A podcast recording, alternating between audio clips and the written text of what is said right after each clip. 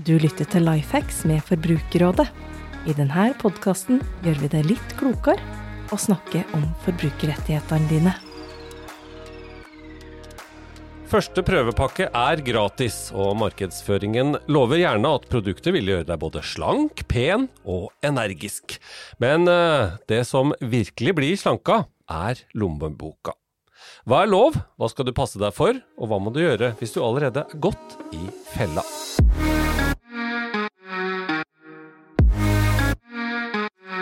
Ja, velkommen til Lifehacks med Forbrukerrådet. Her er det en og annen som bør høre godt etter, kjenner jeg på meg. Det er eh, fortsatt Bengt Eigelrud som er programleder for eh, denne podkasten. Gjest i dag, underdirektør Mats Bjønnes i Forbrukertilsynet. Velkommen. Tusen takk for det. Og velkommen tilbake, Berit Aamodt fra veiledningstjenesten vår. Tusen takk. Og Thomas Iversen, forbrukerjurist her på huset. Hei, hei. Ja, det slår uh, nesten aldri feil. Annonser dukker opp. Det er løfter om både gull og grønne skoger og kritthvite tenner, kanskje. Du skal bli slank og holde lenger i senga, eller bli enda mer energisk både i og utenfor senga. Men uh, etter prøvepakken så viser det seg at det kan komme en regning, ofte koster det mye penger, og i tillegg er innholdet av tvilsom karakter, ofte i hvert fall. Er det noe vi hører mye om fra forbrukerne, Berit? Ja, det er noe vi hører veldig mye om. Eh, og det har vært eh, over lang tid eh, at det dukker opp ulike typer produkter som ja, annonseres i vidt og bredt i, på bl.a. internett, og hvor forbrukere da ønsker å prøve seg på disse tingene som da er gratis, da, eller står i hvert fall at det er gratis. Så, men ingenting er gratis her i livet, selv om mange prøver å få oss til å tro på det. Eh, og det er eh, ja, veldig mange ulike problemstillinger eh, som dukker opp i en sånn prosess, men, men, generelt mange problemer, da. For forbrukerne hadde jo ikke kontaktet oss hvis det ikke oppstod problemer. Nei, og, og, og, hovedproblemet, skjønner jeg da, er at når det ikke er gratis, er at uh, denne regninga følger med noe som man trodde var uh, gratis og ikke skulle betales for. Ja, det er akkurat det. Og i tillegg at man da ja, ikke har fått den informasjonen om at det var noe som fulgte med. Eh, og også at det ofte er selskaper som det dessverre er svært vanskelig å komme i kontakt med når det først eh, blir en slags sånn ja, uenighet om eh, om man egentlig skulle ha fått en faktura eller ikke da, i posten etterpå. Ikke sant. Det, det, kan vi komme litt tilbake til. Men først og fremst, eh, Thomas. Eh, hvor lovlig er det å bare sende produkter til folk, og så eh, sende etter en regning og ta seg betalt for noe som man kanskje til og med har lova var gratis? Nei, vi pleier å gjøre, gjøre, det ganske enkelt når vi skal snakke om, om det her, og si at hvis, hvis ikke du har bestilt uh, produktet, hvis ikke det er noen avtale der, så kan ikke selskapet ta, ta betalt. Og da, da er det ulovlig å kreve betalt for det, rett og slett. Men her ser vi jo at det er mange som, som synder på det, eller, eller prøver seg. Mm. Og her kommer du inn i bildet, Mats uh, Bjørnes. Uh, I Forbrukertilsynet så jobber dere jo mye med dette, og du kan uh, mye om, om temaet. Mange av de som tar kontakt med oss, forteller Berit, har jo da fått regning, selv om det er gratis med ikke hermetegn i annonsene, men hermetegn her hos meg. Hva skal til for at eh, de kan kalle det gratis? For det første så må det jo være faktisk tilfelle at det er gratis. Eh, at det er en prøvepakke som du da ikke trenger å betale. Men eh, når det gjelder disse tilfellene, så er jo problemet rett og slett at her er det jo gjerne et abonnement. Det er ikke gratis, det følger med et abonnement, og da må man også tydelig opplyse om ja, rett og slett at det er et abonnement, og hva abonnementet koster. For, for gratis er null kroner i, ja, i, i prinsippet? Gratis er i utgangspunktet null kroner, men du kan si at det er en gratis prøvepakke, men man må ha informasjon om abonnementet i tillegg. Eh, kan man ta porto for en gratis eh, pakke? Ja, det er lov å ta porto, men det er ikke lov å ta administrasjonskostnader. og Der ser vi at en del eh, aktører ikke har fått med seg det. Det er også et brudd på den såkalte svartelista i markedsføringsloven. Ja, og det innebærer? Nei, Det innebærer rett og slett at uh, sier du at det er gratis og at forbrukeren eventuelt også må betale frakt, så må det kun være fraktkostnaden. Det kan ikke være administrasjonskostnader eller andre kostnader som næringsdrivende har. Ja, så helt tydelig på det. Og, og, og, det er vel også litt av det som må formidles her, da, hvis det er fraktkostnader eller andre kostnader, og eller særlig, selvfølgelig hvis det er et abonnement, hva, hvor tydelig skal det komme fram? Det er jo, for det første er det jo krav i markedsføringsloven at ikke markedsføring skal være villedende. Og så er det en rekke krav også i angrettloven. Bestemte krav hvor du skal opplyse om pris og du skal opplyse om abonnement. Og når det er et abonnement, så må du også opplyse om hvordan man sier opp abonnementet. Og hva som skal til for at det er en oppsigelse. Mm. Første pakke gratis, ligger det i det at uh, her kommer det flere? Ja, det, det kan du for, kanskje for den, si. Den syns jeg ser mange av. Ja, og det er nok et problem at en del forbrukere ikke får det med seg. Og noen ganger er det at det ikke er gitt god nok informasjon. Andre ganger er det dessverre også at en del forbrukere er litt for rask på avtrekkeren, trykker litt for kjapt på en sosiale medier-annonse, og så er man inne i det. Så vi vil jo kanskje oppfordre også forbrukeren til å ta en liten ekstra runde. Men så er det selvsagt mange næringsdrivende som også ikke opplyser godt nok. Og det er jo noe vi ser i vårt tilsyn. Mm. Er det mange forbrukere, Berit, som vi må si at her har du ikke helt uh, fått lest det med liten skrift som, som faktisk sto der? Eh, ja, noen tilfeller av det er det også. Det er helt klart. Eh, men, eh, men, det er jo nok også det at det syndes både på markedsføringsbiten, og så er det litt av hvor liten skal den skriften være, før den på en måte er for liten mm. til at man kan forvente at forbrukeren faktisk har fått det med seg. Og så har du jo disse problemene med dette med å benytte seg av angreretten også. At det f.eks. ikke gis informasjon om det, og det gir jo heldigvis forbrukeren noen utvidede rettigheter. men men eh, når man får på en måte et brev i posten med denne pakken, eh, at det der også klart og tydelig står at Og det vil komme en pakke til. Eh, og så må det jo selvfølgelig ikke være for sent da å, å, angre på det tidspunktet du får pakken i posten. Mm. Hvilket det jo ikke er etter loven, men mange næringsdrivende ønsker å få forbrukeren til å tro. Mm. Er, er de som holder på med denne typen markedsføring og salg eh, blant de som vi opplever synder oftest mot uh, angrefristlov og, og, muligheten for å, for å, ta tilbake en bestilling, da? Det er nok litt vanskelig å si generelt, men uh, vi, opplever at det er flere bransjer som har utfordringer med å oppfylle angrerettslovens uh, bestemmelser eller informasjon før avtalen blir inngått. Og det er mye informasjon de skal, skal gi. Uh, men hvis du synder mot det, og gjør feil, rett og slett, så, så kan det jo skje skje flere ting. Når du selger varer, så kan jo forbrukeren f.eks. For få lov til å bruke produktet uten å måtte betale noe eh, verdireduksjon for den, den, bruken man har hatt. Det vil si, og i andre tilfeller så kan den næringsdrivende miste retten til å kreve at forbrukeren dekker returporto. Så det er en del sånne ting, og så kan angrefristen bli, bli forlenga. Mm.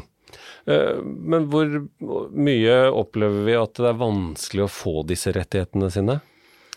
Det er jo, som vi pleier å si, en ting å ha rett, en annen ting å, å få rett. Og noe av det mest utfordrende, i hvert fall som vi eh, kommer borti, er at selskapene kan være vanskelig å få kontakt med i det hele tatt. Du skal jo levere en angremelding eller gi beskjed om at vi angrer på kjøpet, eller ta kontakt med kundeservice på et eller annet vis hvis det er et problem. Hvis ikke du får noe svar fra dem, hvis ikke de tar telefonen når du ringer eller gir dem noen som helst annen eh, svar, da er det vanskelig å, å, hevde retten din, selv om du har gode rettigheter. Mm. Er det lov å gi gratis uh, prøvepakke hvis det faktisk er gratis, uh, Mats? Eller er det sånn at det ikke er lov å prøve å binde deg opp liksom, til noe hvor de kan ringe deg opp igjen rett etterpå, eller sende en pakke nummer to som du får lov til å returnere. Er, er det noe med spillet der som uh, grensene går? For det første så må du ha bestilt det, sånn som Thomas nevnte tidligere. Det er jo en forutsetning for helt at uh, næringsdrivende skal kunne kreve noe som helst. Det er jo første tilfelle. Uh, og så er det jo, når det gjelder angreretten, så er det jo den første prøvepakka det er angrerett på. Og det også er jo litt ukjent for en del forbrukere. Og der går dessverre en del i bare på det. Da man tenker kanskje man kan angre på pakke nummer to også. Men det, det må man huske på at man må da benytte angretten på første pakke. Selv om det kanskje kan virke litt lite intuitivt, rett og slett. Mm. For, for, der har vi et ansvar uh, for å gjøre vår del av jobben som, som forbrukere også. Fordi det er lov å selge abonnement på, på litt, uh, litt, sånne lure måter. Men uh, når vi snakker om den lille skrifta og sånt, hvor tydelig må det være? Det må være klart og tydelig, og så er det jo ikke noe sånn bestemt fontstørrelse loven krever. Det hadde kanskje vært å foretrekke noen ganger, og det er jo også noen ganger faktisk bransjen etterspør det. Ja, hvilken font skal vi bruke? Der kan vi ikke gi noe svar, men det er jo noe hele hovedpoenget her er jo at forbrukeren skal få med seg informasjon. Du skal ikke måtte lese alt fra A til Å. Du skal på en enkel måte kunne sette deg inn i det. Og det er jo egentlig ikke veldig mye forlangt heller fra de næringsdrivende å opplyse om hva er det du faktisk selger. 75 størrelse av av, av, skrifta som man bruker på gratis, f.eks., med det som er uh, bindingsinformasjon. Ja, det, kunne kanskje vært et forslag, det. ja. uh, men uh, litt mindre, eller mer spesifikt på, på det som er innafor, har du noen tips til hva, hva, vi skal se etter når vi ser tilbud som fremstår fryktelig gode? For det første er det jo kanskje det, nettopp det du sier, at de fremstår veldig gode. Så er det ikke alltid eh, de er det, når det fremstår veldig bra. Så det er jo rett og slett å undersøke litt i markedet, ikke hoppe på det første og det beste. Og så ser vi jo en del type aktører, så er nok ja, sosiale medier, annonser der, er mer utbredt med sånne typer problemstillinger også.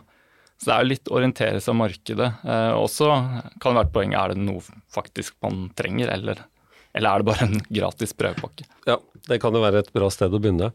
Eh, du snakker litt om ugyldige og urimelige avtaler eh, innimellom, Thomas. Kan det, kan det være det, hvis du, hvis du føler deg lurt? Hvor, hvor, hvor, går grensa for at, er, eh, at vi er, snakker om den typen avtaler? Ja, I veldig mange tilfeller så vil jo forbrukeren kunne komme seg ut av eh, avtalen ved angreretten hvis den agerer litt raskt, som Mats er inne på, men hvis enten avtaleinngåelsen eller innholdet i avtalen er så uh, urimelig, eller altså det er så ille da, uh, og lite balansert i forbrukerens disfavør, så kan man også komme ut av en i utgangspunktet bindende avtale, med utgangspunkt i at den er helt bak mål juridisk, egentlig. Men det skal ganske mye til. Men eh, da skal du typisk ha blitt lurt, eller blitt pålagt veldig, veldig, veldig store eh, forpliktelser, da. Typisk et abonnement som varer eh, veldig lenge, der ikke du kan bryte ut av med oppsigelse, eller store forskuddsbetalinger, eller en sånn type ting. Er det den typen uh, informasjon som uh, kan gjøre at man uh, kommer til Forbrukertilsynet med en sak, Mats, og, og får gehør? For det første det er nok først og fremst i tilfellene med negativt salg eh, der vi har hatt mest oppmerksomhet rundt det. Men vi fører også tilsyn generelt med standardvilkår. Og Der er nettopp klarhet i avtalen, at forbrukeren skal forstå hva avtalen innebærer, er jo da sentralt. Så vi kan jo også forby bruken av avtalevilkår. Men det, der må vi rett og slett ta en konkret vurdering opp mot hva som selges og hvordan det er regulert i den enkelte avtalen. Hvordan behandler eh, dere saker som kommer inn? Klager eh, på, på selskaper og, og, avtaler? Nei, Det er jo litt avhengig av vi, vi, ser jo at det er et område det kommer inn veldig mange klager, så vi kan jo ikke behandle alle klager. Og gjerne da konsentrere oss om eh, spesifikke bransjer. Og En av de bransjene vi har hatt flere saker på, er helsekostbransjen, hvor også abonnementsfeller og abonnement er, ja, har vært utbredt. Mm. Får man eh, dialog med selskapene? Kommer dere inn og får liksom gehør for at det må være tydelig hva som eh, gjelder for avtaler og, og, og sånn, når dere snakker med dem direkte? Ja, Vi har ikke noe problem med å komme i dialog med selskapene, men det er nok noen ganger litt vanskelig for selskapene akkurat hvordan man skal innrette seg for å overholde kravene. Og som vi snakket om tidligere, nettopp det med det er ikke noe bestemte krav til hvordan det skal se ut i størrelse. Så det er nok noen ganger vi må ha noen ekstra runder rett og slett for å få det i tråd med loven. Mm. Hvordan er det, nå kom jo Mats også inn på dette med helsekost, Berit. Eh, er det folk som eh, opplever at det ikke er blitt lurt inn i noe, men at det de får ikke holder eh, det det lover heller, når vi er på den typen abonnement som vi også vet at det er mye av? Så absolutt. Eh, og det er jo, man på en måte får en glidende overgang da, fra de forbrukerne som seg, så absolutt føler seg lurt, mener at her er det ikke gitt informasjon. Og, og når det blir mange nok, så, så jo, eh, må man jo kanskje tenke seg at eh, det er noe av informasjonen der som er forsøkt skjult eller gjort litt ekstra utilgjengelig for forbrukerne. Men, men at ting ikke funker, er jo også helt klart en grunn for at folk kontakter Forbrukerrådet. Eh, og ja, hvorfor man kanskje da havner i den situasjonen da, at man tenker at man vil angre på den pakke nummer to, fordi den plutselig bare dumpet ned i postkassen, og det var egentlig for sent å angre, men de måtte jo prøve den første, og men det funka jo ikke. Det ga jo ingen effekt. Ikke sant. Mm. Eh, Er det noe som kommer eh, til gjeldelse her, når eh, Thomas, når vi tross alt eh, de lover noe, så må vi fortsatt forholde oss til den første pakka? Hvis eh, de lover noe ikke de kan holde, så, så er det eh, åpenbart en mangel ved ytelsen. Og noen tilfeller her så lover jo selskapene mer enn de åpenbart kan holde. Altså både slankepiller, tannbleking, potensmidler lover jo ofte veldig mye og gir inntrykk av det markedsføringen, veldig superlativ markedsføring. Målebånd rundt livet eller andre ting som viser hvor mye man kan ta av i vekt. Men som vi pleier å si, eneste garantien er at du slanker lommeboka. Ja, ikke sant. Eh, Hvor mye følger dere med på at produktene holder det de lover, eh, når man skal både bli slankere og beholde potensen lenger og få kritthvite tenner? Det er jo selvfølgelig, Når vi ser på markedsføringen, så er det jo et dokumentasjonskrav også i markedsføringsloven, som også gjelder her. Eh, når det gjelder disse typer sakene, er det nok mer knytta til den avtaleinngåelsen og problemene rundt det. Men selvfølgelig, det er jo også noe vi ser på. Men det er jo også andre tilsyn som er relevante, f.eks. Mattilsynet. Mm. Alt etter hva det er snakk om her. da og også helsemyndigheter. Eh, Så det er ikke bare Forbrukertilsynet som har en rolle her, men også andre myndigheter. Samarbeider dere om, om dette? Fordi markedsføringa av produktene er jo uløselig knytta til eh, deres eh, forsøk på å selge. Ja, og det er nok noe vi har intensivert også, det samarbeidet mellom ulike myndigheter. Litt for at ikke aktører skal falle mellom to stoler, og også at man på en måte ser en sak fra flere sider. Det kan være en sak som er mer relevant for en annen myndighet å ta opp. De har kanskje enda bedre virkemidler. F.eks. kan ikke Forbrukertilsynet Vi har ikke noen mulighet til å ilegge omsetningsforbud. Det er det enkelte andre myndigheter har. Så det her er det viktig med et samarbeid for å få mest mulig effektivt tilsyn. Mm. Og sånne samarbeid er vi glad i også, Thomas. Det er vi veldig glad i, og Forbrukerrådet er jo en aktiv eh, bruker av eh, flere tilsyn, med sender både klager og, og tips til eh, de tilsyn som finnes. Og det er musikk i våre ører at også tilsynene samarbeider, så det, det må dere fortsette med. Veldig, veldig bra. Så samarbeider vi jo med dere i Forbrukerrådet også. Det gjør vi også, selvfølgelig, og det er jo også der eh, vi kan få til store endringer. Fruktbare samarbeid er, er eh, veldig bra. Liten påminnelse til eh, deg som hører på. Hvis du har innspill til oss, eh, så må du gjerne sende oss en e-post, både med forslag til eh, ting vi kan ta opp, spørsmål vi er nødt til å svare på, eller eh, om du bare har eh, ris eller ros å by på, så er det bare å sende en e-post til lifehacks at forbrukerrådet.no. Lifehacks at forbrukerrådet.no. Veldig hyggelig om eh, du sender oss en e-post. Det er eh, stas å høre fra, fra dere. Skal vi runde av med den faste posten, eh, Berit? Eh, Kuriosa fra veiledning, hva har du å fortelle i dag? Ja, da tenkte jeg å få med meg et lite abonnement da i dag til, eh, til veiledning fra veiledningstjenesten. Så dagens innringer hadde hatt et abonnement på blad over en lengre periode, men hadde nå bestemt seg for at dette ville han avslutte.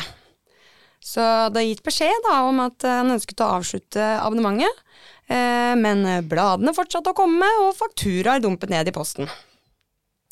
Eh, og han ville jo gjerne både vite hva han hadde rett til her, men hva han også kunne foreta seg eh, videre. Og forbrukeren sa da til veileder at før jeg legger saken min frem for høyere makter, så ønsker jeg å legge den frem for dere. Ok. Forbrukeren fikk noen gode råd da på veien, eh, både til hvordan man kunne eh, unngå å betale disse fakturaene, og kanskje også stoppe de bladene som kom på døra. Men det kan jo hende også at bladene faktisk kom fra høyre makter. Hvem vet? Takk for at eh, du kom hit, Mats, og gjorde oss enda litt klokere. Mats Bjønnes fra Forbrukertilsynet. Takk, Berit og Thomas. Og takk til deg som hører på. Fortsett eh, med det, og fortell gjerne noen andre at vi finnes. Takk for at du hører på Lifehacks. Du får nye episoder fra oss annenhver uke. Abonner gjerne, så får du nye episoder der du liker å høre dem. Hvis du vil komme i kontakt med oss for ris og ros, eller vil dele din beste life send oss en e-post på lifehacks. For andre forbrukerhenvendelser er det de vanlige kanalene som gjelder. Du når våre forbrukerveiledere via kontaktinformasjon du finner på forbrukerrådet.no.